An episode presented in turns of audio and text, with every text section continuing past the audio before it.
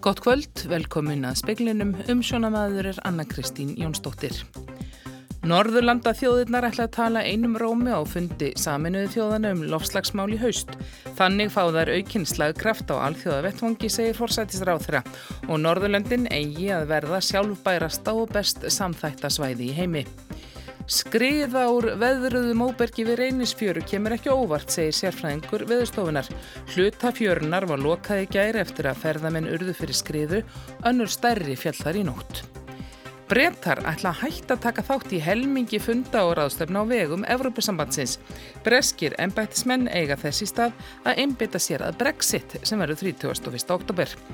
Fyrir átta árum þegar síðast var gerð landskönnun á mataræði Íslendinga var einna hverjum hundrað græmiðsæta. Framkvæmda stjóri Krónar telur að í dag sleppi tífalt fleiri kjöti. Og fullirðingar um að samþygt þriðja orkupakkans skuldbindi Ísland til að standa ekki í vegi fyrir lagningu sæstrengs eru óskiljanlegar. Engin getur lagt strengi í landhelgi án samþykis viðkomandi ríkis, segir sérfræðingur í Hafréttarmálum. Lofslagsmál voru fyrirferðarmikil á fundi Norrætna fórsættisráð þeirra og Angelu Merkel, kanslara Þýskalands í Reykjavík í dag. Í framtíðar sín Norrænu ráðherrana segir að fram til 2024 verði sérstök áhersla lögð á að greiða fyrir grænum umskiptum, vinnað kólefnislautleysi og sjálfbærni. Norðurlöndin vinni saman að því að verða sjálfbærasta og best samþætta svæði heims. Þáttaka Merkel í fundunum er sagður fórsmekkur að reglubundnu samtali við Þísk stjórnvöld á Norrænu vettvangi. Á sameilegum bladamannafundi ráð þeirrana í viðei lögðu allir áherslu á að gjörðir yrða að fylgja orðum í lofslagsmálum. Á fundi saminuð þjóðunum þau mál í haustmyndu Norðurlönd tala einum rómi. Merkel var í viðei spurðum afstöðu þjóðverja til Norðurslóða. Í ljósi vaksandi áhuga stórvelda á því sæði. Hún sagði að Norðurslóðir skiptu allan heimiklu komme er für die Raunirkjudar. Ich gebe gerne zu, dass wir uns vielleicht in den letzten Jahren nicht ausreichend für diese strategische Frage interessiert haben und das wird sicherlich zunehmen. Wir werden jetzt demnächst im Kabinett neue Richtlinien oder neue Grundsätze für unsere Arktispolitik beschließen, also in wenigen Wochen. Und da wird sich auch die gestiegene Bedeutung dieser Region noch einmal deutlich machen. Merkel saðist játa kannski hefði þjóðverðar ekki gefið hernaðarlegri þýðingu norðuslóða nægilega mikinn gaum undan farin ár en úr því er þið bætt. Á næstu vikum væri unni að því að skerpa línur í utanrikismála politík þjóðverða og þá kæmi mikilvægi norðuslóðana greinlega fram. Katrín Jakobsdóttir fórsættisráð þeirra segir að mikilvæg skref í átta emdum, ekki orðum í lofslagsmálum, hafi verið stígin á fundi ráðherrana í morgun öll þessi lönd eru með aðgerra allanir gegn loslasvanni en um leið teljum við að með því að deila reynslu og þekkingu þá getum við náðu meiri árangri hvert fyrir sig. En líka viljum við leggja áslá það að við fáum aukin slagkraft sameinlega á alþjóða vettvangi að við sammælumst um þessa sín og eitt af því sem hér kom fram var að við viljum gætna til dæmis á loslasvundunum í september í New York að þar munir Norðurlandin tala einni, einni og mjög skýri röttu um að aðgera sér þörf og tíma orða sér liðin sagði Katrín Jakobsdóttir. Engar sáttir náðust í dagmilli kaupenda tveggja íbúða við Árskóga og forsvarsmanna félags eldriborgara í Reykjavík. Félagi tilkynnti gæra að það hygðist nýta ákvæði í loðalegu samningi og leysa til sín íbúðinar. Kaupendunir hafa þegar krafist þess fyrir dóma fá likla aðfenda og málið verður tekið fyrir í fyrramálið. Lögmaður annars kaupandan segir að málið sé fyrst og fremst vonbriði fyrir þá sem hafi keift íbúðinar greitt það sem þeim bar en fáið er ekki aðfendar. Og við sögum frá því að áðan að það hefði fallið skriða í reynisfjöru og þar er Kristín Sigurðardóttir fréttamaður. Eh, Kristín, hvernig er þarna umhors þar sem þessi stóra skriða fjall í nótt? Já, ég stend hérna við lókunaborðaða lauruglunar og ég sé greinilegt sár hérna í fjallinu, það er sem skriðan fjall. Hún er fallið og mikill að hæð. Þetta er alveg týjir metra sem hún er fallið hérna niður og gengið út í sjó. Og hér er lókunarborðið strengtur alveg út af sjó og það er nú smám sem hann að flæða að og ég sé nú fyrir mig þetta fyrir nú að kaf hérna mættalega í kvöld. Þessir allan að hluta þessum lókunarposti. Hér er sko mikil fjöldi ferðamanna og hérna þeir rösta hérna um allt saman. Skriða fjall hérna aðeins austar en Stulabergshellir staðurinn er og hérna fólk er samt að koma hérna lappandi það skrýður hérna upp á klettana alveg undir mótorstafanum og hann er náttúrulega svo brattur og hann er eins og maður sem er að detta fram fyrir sig Já. þannig að þetta er kannski ekki alveg hættilegst en, en það er ekki að taka ráðin af fólki Já, þann... en hér er mikið myndað og þetta er held ég bara uppáhalds sko sjálfu staðurinn í dag að það er að vera með skriðun og bakvössu og svo reynistrángana. En nú hefur einmitt oft verið sagt fyrir að fólk takja ekki marka á viðvörnum vegna brims og undiröldu þarna í fjörunni þannig að fólk verist ekki taka heldur mjög mikið marka á þessum borðum nú. Jú, það fer engin yfir borðan sko. Einu sporin sem eru hér eru eftir vísendamenn veðastofuna sem koma hérna fyrir í dag og vantilega lauruglumenn en eh, á staklauruglunni hefur engin verið svona einn og einn. Afar fáið reynd eitthvað að fara inn fyrir bóðum og með ég er búin að standa hérna í svona einhvern hálftíma þá hefur engin verið að fara hérna í þetta. En það er ekkert minna að ferðamennum hér en venjulega þó hérna sé rigning á stutti og dalbi kvast og naburt það er alltaf fullt af fólki hérna. En það hefur ekkert, sést í dagneitt frekar hrun er það? Nei, ég vissi bara að það fjall hérna í morgun, lauruglumar kom að þessu hérna bara, uh, bara halv átta í morgun. Og þá var ennþá að hinni úr fjallinu og það gauðs upp svona brútt mökkur sko, þetta er náttúrulega bara moldar stapti hérna móterk uh, en ég hef ekki séð neitt svoleiðis en ég kom hérna klukkan fjögur í dag, þannig að þetta er svona allt bara kjörkt hér. En það er umhlað stærðar en að grjót hérna langt út í sjó, eða svona talt út í sjó. Já. Þakkaði fyrir þetta Kristín, við fáum að heyra betur á þessu og sjá myndir og reynisfjöru í sjónvarsfréttum á eftir. En fyrstu aðtuganir veðustofunar benda til þess að skriðan í nótt sé svipuð að stærð og skriða sem fjall árið 2005. Jón Kristinn Helgason, sérfræðingur á sviði skriðufalla og hættum að sjá veðustofunni, segir að búast með við því að áfram hrinji úr skriðu sárinu líklega líki frekari upplýsingar fyrir á morgunin. Hvað veldur þessum skriðum? Það er svolítið erfitt að segja til um það. það þetta er náttúrulega móberg og móberg veðrast, það er svolítið verið á þessum stað og eh, það getur oft verið frekar auðmikilegt móbergið og svo bara kemur svo tími að það reynur bara. En þetta er kannski ekkert óvænt? Að mörguleiti ekki. Það hefur náttúrulega verið með reglulega millibili að sinja úr reynisfjöllinu. Næstu ummerki má reynda að sjá í austanveru fjallinu, sem má sjá þarna urðir í, í flæðamálunu. En svo náttúrulega það hefur heirt fréttir gegnum síðustu ára að það séu séu, grjót og jafnvel einhverju skriður að falla þannig á þessu svæði saði Jón Kristinn Helgason, Dagni Hulda, Erlendsdóttir rætti við hann. Giuseppe Conte, fórsættistur á þeirra Ítalíu, greindi efri deilt þingsins frá því dag að hann ætlaði að ganga á fund fórsetta og tilkynum afsögn. Conte ásakaði Matteo Salvini innaríkistur á þeirra og leiðtoga stjórnaflokksins bandalagsins um ábyrðaleysi. Hann hefði hægt að styðja ríkistjórnuna og skapað stjórnmálakreppu í landinu. Salvini hefði setti sína eigin hagsmunni og flokksins ofar þjóðarhag. Eftir að Conte bóði afsögn var Salvini gert að setjast meðal óbreyttra stjórnarandstöðu þingmanna. Hann hvaðist einskis yðrast og byður heilaga guðsmóður að hjálpa ítölsku þjóðinni. Bæjar yfirvöld á segðisferði ætla að skrifa breskum yfirvöldum bref og fara fram á þáttöku þeirra við að stöðva óljuleika úr breska tankskipinu El Grillo sem sökt var í fyrirðunum í setni heimstyrjöldinni. Síðast var unni að því að tæma óljuskipinu fyrir áttján árum. Rúnar Gunnarsson yfir hafnavörður segir að enn leki ólja og hún hefði drepið fugli sömar. Vita mann eitthvað hvað er mikið í skipinu? Nei, það er nú ekki vitað með vissu hvað er mikið en svona ég hef heyrt talað um 14 tonn eftir því sem að sjóren hlínar að þeim meira kemur upp og olían þarf litla hitabreitingu til þess að fara að stað. Ungfuglin, ungarnir hjá æðafuglinum er að virðist ekki þóla olíuna sko. Eldri fuglin virðist þóla þetta betur einhver luta vegna en ungfuglin er, bara hefur drepist í hrönnum út af þessari mengun á þessu ári. Og hvað vil ég þið að sé gert núna? Persónulega vil ég sjá sko, setja flótgerðingu fyrir, það of seint núna kannski en fyrir næsta sömar að setja flótgerðingu sem tæki þá allavega það sem kemur upp En svo náttúrulega viljum við bara sjá skipið tæmt sem fyrst. Við ætlum að hafa samband við breska sendiráðu aðtú og hvort að breytar vilji taka einhvern þátt í þessari, þessari hreinsun því að þegar öll er á botnum hvort að vera þetta skip þeirra og raun og veru söktu því sjálfur. Mér hefur verið falið sem formann í bæjar ás að skrifa þeim bref og reyna að leita hjálpar hjá þeim.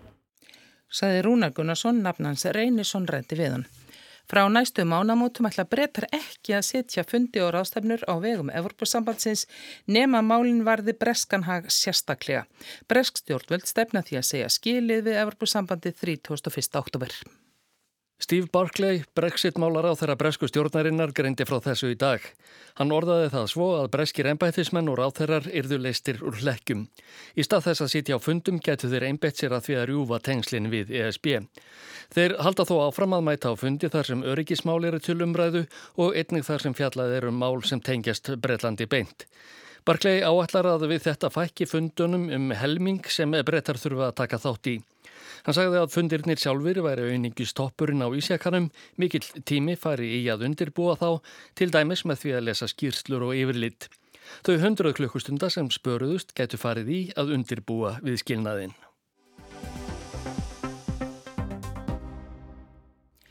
Norðurlöndin eiga að verða sjálfbærasta svæði heimi og það sem best er samþætt. Þetta er kannski hægt að segja sér kjarnin í framtíða sín.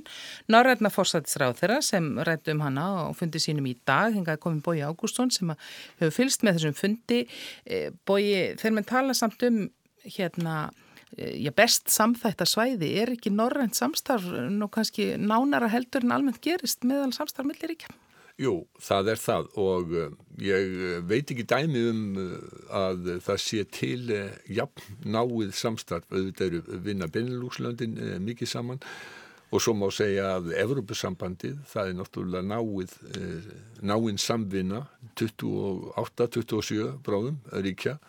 En Norðurlöndin hafa alveg frá eiginlega frá því skamöftir uh, loks síðar í hinstyrjaldar unni mjög náið sama eða sameilu vinnumarkaður, þú ótt að njóta sömur réttinda á milli landana það hefur verið að vísu núna vegna flottamannaströmsins þá hafa landamæri til dæmis ekki verið í apnópin en eh, samvinnan er gríðarlega náinn en þau vilja gera hann enn nánari og sérstaklega út af við varðandi lofslagsmál og varðandi svona málefni sem að Norðurlöndin þar sem þau hafa sameigileg gildi eins og í aðbretti um, þar vilja þau berjast saman út á við.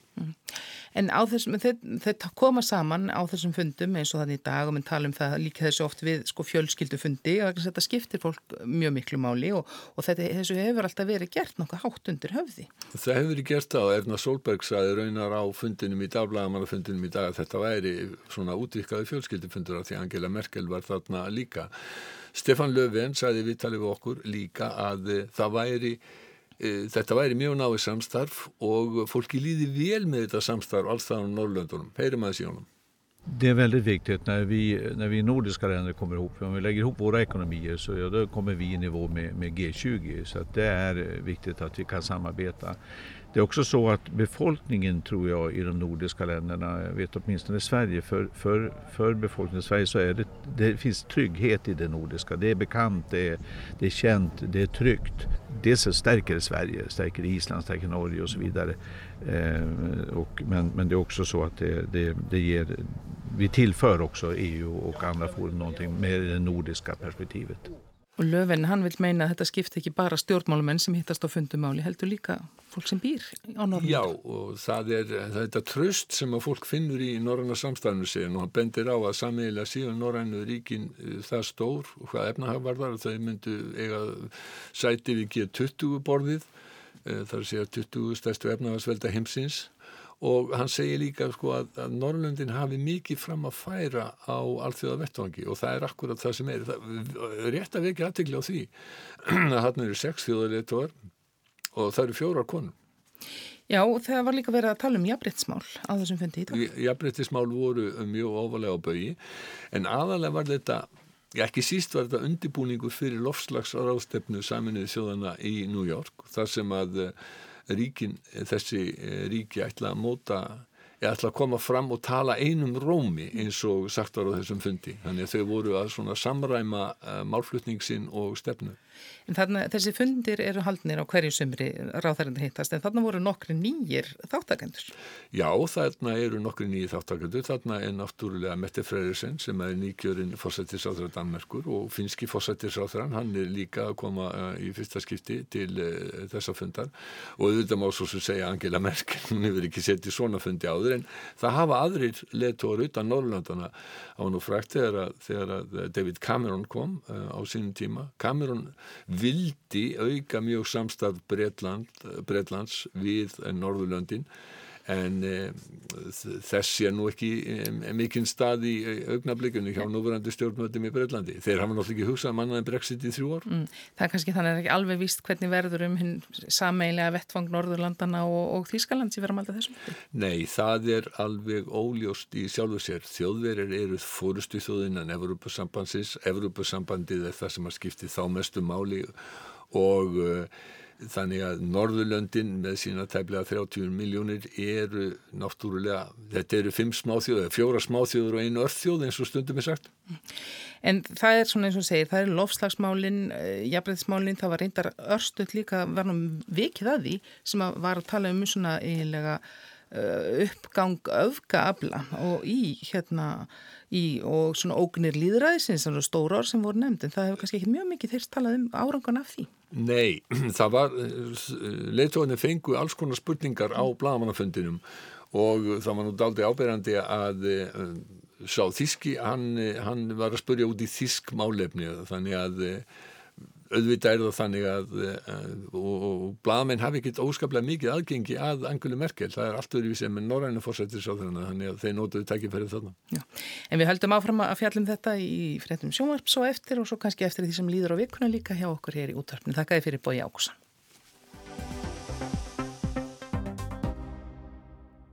Sérfæðingur í hafréttamálum segir að málflutningur anstæðinga þriðja orkupakkan sé óskiljanlegur.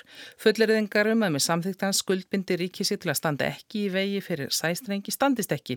Í hafréttar sáttmála saminuðu þjóðana sé skýrt kveða um að enginn geti lagt sæstrengi landhelgi nema með samþykki viðkomandi ríkis, það er Íslenska ríkisins í þessu tilfelli. Það stemta því að atkvæðagreysla fari fram á alþingjum þriðja orkupakkan mánudaginn annan september. Anstæðingar innleðingar vilja að pakkanum verði hafnað og þeim tilmælum komið til sameilu ES nefndarinnar að Ísland verði undan þegi innleðingu hans í ljósi þess að Ísland er ekki tengt raforkumarkaði ESB. Rök þeirra eru meðal annars að Ísland get ekki staði í vegi fyrir því að hér verði lagður sæstrengur með tengingu, hækki raforkuverð og orkuöryrki landsins ógnað.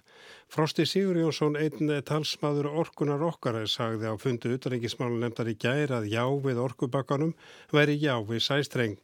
Bendir á texta í aðfara orðum að reglugerinum orkubakkan en þar segir aðeldaríkin skulu vinna nái saman og fjarlæga hindranir í vegi viðskipta með raforkum og jargas yfir landamæri í því skyni að ná fram markmiðum bandalagsins á sviðu orkum tilvinnu líkur. Anstæðingar pakkan segið að Íslandi get ekki sinjað lagningu sæstrengs en það myndi enda með skadabótum sem gætu numið mörgum miljörðum. Arnar Þór Jónsson, hérastómari, hefur verið brotti fylkingar þeirra sem telja að það sé ekki hægt að sinja fyrirtækjum um að leggja sæstreng. Sérfræðingar sem komið hafa fyrir utanrikkismálunemnd eru samal um að í reglugerðinum orkupakkan sé ekkert sem skildi Ísland að tengjast raforkunetti ESB. Arnar Þór er samála þessum. Hann segir að lagning sæstrengs felist hins veri innleiðingu pakkans vegna þess að uh, það er verið að undirgangast þarna ákveðna skuldbindingar til þess að þvælast ekki fyrir þeim sem vilja leggja sæstreng til Íslands. Fjárföstum og fyrirtækjum sem segja við erum með fjármagn og við erum tilbúin að leggja þennan streng. En hvernig svara Bjarni Már Magnússon, professor við lagadeild Háskólas í Reykjavík, þessum fulliringum? Sérs við hans er hafsbótnin og doktorsritger hans fjallar um deilur um landgrunnið. Hann að þetta standist engin rög. Hann bendir á að Hið eigilega alþjóðlega regluverk um sæstreng sé að finna í hafréttir samningi saminuð þjóðana. Samkvæmt hafréttarsáttmálun og bara í samræmi við fullveldi ríkja e, þá ráða ríki hvort að lagður er einn sæstrengur á e, þeirra yfiráðsvæði og í þjóðarettir yfiráðsvæði skilgrind tannig að það sé landsvæðið, svo það sem er kallað einsafi og landhelgin. Þannig að það fer enginn þarna inn nefnir samþyggi íslenska ríkisins. Hann segir líka að fulliringar um skadabótarskildu íslenska ríkisins standist ekki. Þeir sem haldiði fram get ekki bent á neina stóð fyrir sæstrengja skildu aðeins ég vitnaði í engangsorðin. Það segir ekkit um sæstreng og það er ekkit að líta þannig á að bara einhver sko markmið trompið á þetta að, að ríki ráða því hver, hver kemur inn með sæstreng til þeirra því það er hluta af fullöldsrættinum og ríki geta auðvitað veitt samþyggi sitt fyrir að hleypa einhverjum, hleypa sæstreng inn en þetta samþyggi byrtist ekki í einhverjum svona almennum ingangsorðum um að stefna skuli að, að nánari samvinnu orkumálum, eitthvað svo leiðis. E, þannig að, að því að þessi grunnur ekki til staðar, þá er enginn sko réttur til að leggja þennan sæstinni nema með samþyggi Íslands og þar á leiðandi er ekkit hægt að fara fram á bætur fyrir eitthvað sem hefur eitthvað rétt á. Það er algjörlega líkil aðri, þannig að sko þessar fabuleringar eru algjörlega reistar á sandi. Grunnstóðin er ekki til staðar. Hann sér að fulleringar um að rétturinn til að leggja sæstreng grundvallist á fjórfrelsinu svo kallaða í ES samningnum um frjálsaförfuru standist ekki. Nei, nei, sko, bara fiskur er vara, það þýr ekki allir getið veitt í íslensku lögsu. Þetta, virkar ekkit svona, það sé bara einhver prinsip sem er stemt að uh, og, og þau trombi allt annað. Rögg þeirra sem segja að lagning sæstrengs tengist orkubakkanum lúta því að Íslenska ríki skuldbindi sig til að þvælast ekki fyrir þeim sem vilja leggja hinga sæstreng. Bjarni Már felst ekki á þessi rögg. Það er ynga veginn hægt að, að komast að þeirri niðurstu. Þetta er bara, eins og ég sagt aður, sko, þetta er einhverju töfrabrögð. Eh, þetta er, þetta er raun og veru óskiljanlegur málflutningur. En finnst þér þessi umræða þá enginleg í þínum huga í ljósi þess að uh, það er bara svo einfalt að, að fyrirtæki get ekki farið inn í íslenska landhelgi með sæstreng án samþykis íslenskra yfirvalda? Það, það, já, það er bara kjarni málsins og, og líka það að, að það, það sem ég kannski nefna að, að það er ekki í þessum þriða orkupakka um sæstrengi. Sagði Bjarni Már Magnússon, Arnar Páll Haugsson talaði við hann.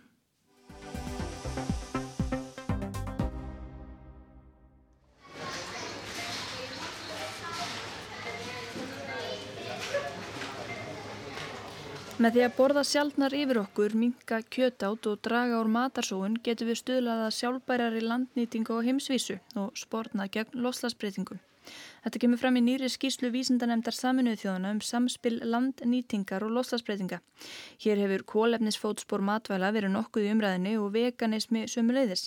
En borðum við minna kjöti eru fleiri ornir græmmetisætur. Þess er erfitt að svara því tæpur áratugur er síðan matarvenjur Íslandinga voru síðast kannaðar. Greta Maria Gretarstóttir, frankandastjóri Krónunar, telur þó að mataræði Íslandinga hafi tekið töluverðum breytingum á síðustu tíu árum við sjáum það og við hefum séð þessa þróun bara í svona nokkur ára kjötnesla er að minga sem hlutfall af heldarsölu og við sjáum að á móti kemur að ávast og græmitir eru aukast mikið og síðan sjáum við þetta þessa, eins og segja kannski við getum kallað veganbildingu og græmitisrættir að þeir eru að koma mjög sterkir inn og úrvaliði líka orðið mikið mikið meira. Bæðið er það þá eins og segja alls konar tilbúnuréttum og líka bara í eins og sé frostnum réttum. Hvað er að tala um mikla aukningu í, í neyslu á þessum græmitisborgurum eða umfi eða þessum vegan varningi allum? Það er alveg bara tvöföldun á þrejum árum. En líka eins og segja þá meðan er úrvali líka að verða meira. Hversu mikið hefur kjöttsalan dreyið saman? Þetta eru náttúrulega stóra tölur ennþá sem er að seljast í kjötti. Ég er ekki að tala um að þessi einhverju 10% ári en það er kannski svona bara svona smátt og smátt að minka en yfir að maður skoða kannski tíur tímabil þá erum við að tala um nokkrar prósendur.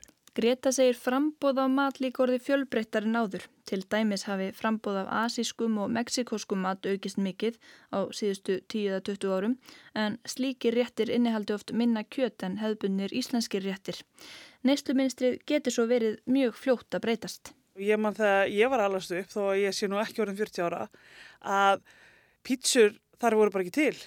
Ég bjóði þetta landi, svo flutti í bæin og ég man bara eftir það maður fekk fyrstu pítsuna. Átta árið liðin frá því síðast voru byrtar niðurstuður landskönnunar á matarvennjum Íslandinga. Árið 2010 borðaði hver Íslandingur að meðaltali 130 grömm af kjöti á dag. Einn af hverjum 100 sagðist aldrei borða kjött. Kjötneysla landans hafi þarna staðið í stað frá árinu 2002 en neysla á ávöxtum og grænmeti hafi aukist um þriðjung. Í haust stendur til að byrja á nýri landskunnun og kannski ekki setna vætna. Mataræði er ju eitt af því sem hefur hvað mest áhrif á heilsu og mikilvægt að vita hvar þjóðin stendur. Teki verður um 2000 manna úrtak og fólk spurt hvaða borðaði í gær. Að könnunni koma landlæknisembættið, matvælastofnun, matís og rannsóknarstofa í næringarfræði við Háskóla Íslands og Landsbítala. Þetta er stort og tímafrætt verkefni og ráðgert að það taki allan veturinn en enn hefur það þó ekki verið fjármagnað nema til áramóta. Greta er fullvissum að fjölgað hafi í hópi grænmetisæta á síðustu tíu árum. Það er sé ekki lengur 1% íbúa. Ég held að hluta alls í orðið herra við sjáum tölur á Norðurlöndum sem við teljum að séu mun harra heldur en hér heima en ég held að sé ábyggla svona ánallar ábyrðar svona kannski einna hverjum tíu sem er þá grammetis eða vegan. Hagstofan byrti lengi upplýsingar um meðal kjötnislu hvers íbúa ári. Af þeim átti ráða að neysla lambakjöt segði minkað, farið úr tæpum 26 kílóum á hvern Íslanding árið 2000 niður í 19,5 árið 2015. Neysla á alifuglakjöti jógst um tæpan þriðjung frá aldamótum fram til 2015 var það orðin tæplega 30 kíló og neysla á svína og nautakjöti jógst lítilega á tímabilinu. Þessar tölur er ekki gallalausar, hagstofan hætti að taka þeir saman því neysla ferðamanna var farin að skekja myndina. Við höfum alveg séð það að þarna bæði þá svínakjöfsnesla og kjúklinganisla hefur aukist en við erum ekki að sjá aukningu þar til dæmis eins og kjúklingum milla ára eins og var þróunin það var alveg aukning í kjúklingasölu mill ára en við erum að sjá það, það er eiginlega stöðvast. Og þá eins og segja bara komin alls konar eins og vegan möguleikar í staðin. Um fjóruðungur losunar gróðursaloftegund á heimsvísu skrifast á landnótkun. Landnótkun hefur síðustu áratíu aukist hraðar en okkur sinni fyrr og nótkunin er víða ósjálfbær. Í nýri skýslu vísindanemdar saminuð þjóðana kemur fram að loftslagsbreytingar séu þegar farnar að grafa undan matvæla öryggi heiminum. Það þurfa bæta umgengnum land og nýta það betur þannig að jörðin geti áfram brauðfætt mannkinnið. Vísindamenn sem koma skýslunni segja mikla kjötnislu vesturlandabúa af því sem knýr loftslagsbreytingar áfram. Þá benda þeir á þá staðrind að enn er 25-30% um alls matar sóað, já allt og margir borða allt og mikið. Með því að nýta land með sjálfbæri hætti, dragur sóun og ofáti, borða meira úr júrtaríkinu og framleiða kjöt með sjálfbærum hætti, megi bæta landgæði og þar með ebla þól jarðar gagvart loftslagsbreytingum spórna gegn hungri og fátakt, styrkja vestkerfi og draga úr útrýmingu tegunda. Greta segir að verslunin geti lagt sitt á mörgum með því að bjóða neytendum val, en sóknarfærin liggi líka í því að draga úr matarsúun. Krónan hafi selt grannmeti og ávesti sem farið er að sjá á á lægra verði og sömulegis vörur sem komnar eru nálagt síðasta sölutegi. Og við erum að sjá magni sem við erum að selja í þessu hefur tvöfaldast á senstu tólmánu. Littlu sé hend og lífrætt úrgangur frá versluninni hafi dreyjist saman um 20% á síðustu árum. Þá segist hún merkja breytingar á kauphæðun. Þú ert kannski meira að kaupa fyrir daginn. En þú ert ekki að kaupa fyrir vikuna og ert segja, herri, ég ætla að hafa þetta á fymtudag og þetta á förstudag. En síðan langar ekki í það þá og þá kannski mögulega endur það í ruslinu. Þannig að það að fólk sé að koma oftar og kaupa þá bara það sem það þarf, það er þá líka að vera til þess að það er minna enda í ruslinu heima fyrir.